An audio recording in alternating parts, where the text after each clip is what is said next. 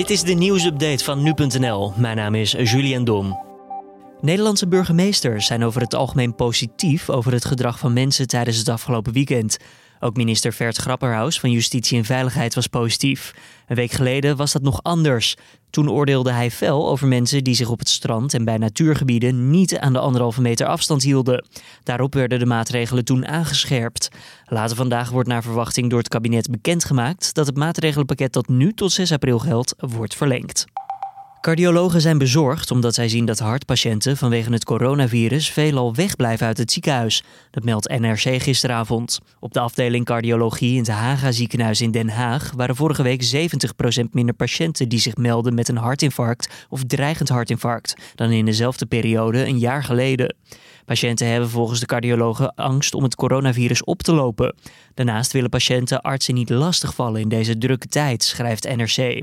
Ook in andere Europese landen is een plotselinge daling van het aantal patiënten met acute hartproblemen te merken. De Amerikaanse president Donald Trump zegt dat de komende 30 dagen erg belangrijk zijn voor zijn land als het gaat om het afvlakken van de besmettingscurve. Our future is in our own hands and the choices and sacrifices we make will determine the fate of this virus and really the fate of our victory. We will have a great victory. We have no other choice. Every one of us has a role to play in winning this war. Every citizen, family, and business can make the difference in stopping the virus. Daar hoorde je de president. Tot met 30 april geldt in ieder geval in de VS social distancing.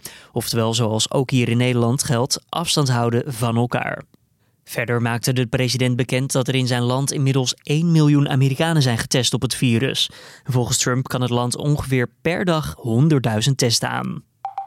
Het kabinet zal het gebruik van vouchers door luchtvaartmaatschappijen om een passagier tegemoet te komen bij een geschrapte vlucht tijdelijk gedogen. Dat stelt minister Cora van Nieuwenhuizen van Infrastructuur en Waterstaat.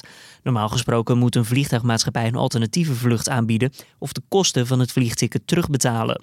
Maar omdat de luchtvaart hard geraakt wordt door het coronavirus, is dat nu niet mogelijk.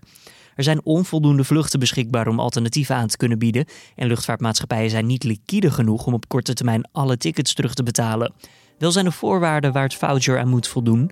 Zo moet deze minstens 12 maanden geldig zijn. En als deze uiteindelijk niet wordt gebruikt, moet de maatschappij het geld alsnog terugbetalen. En dit was dan weer de nieuwsupdate.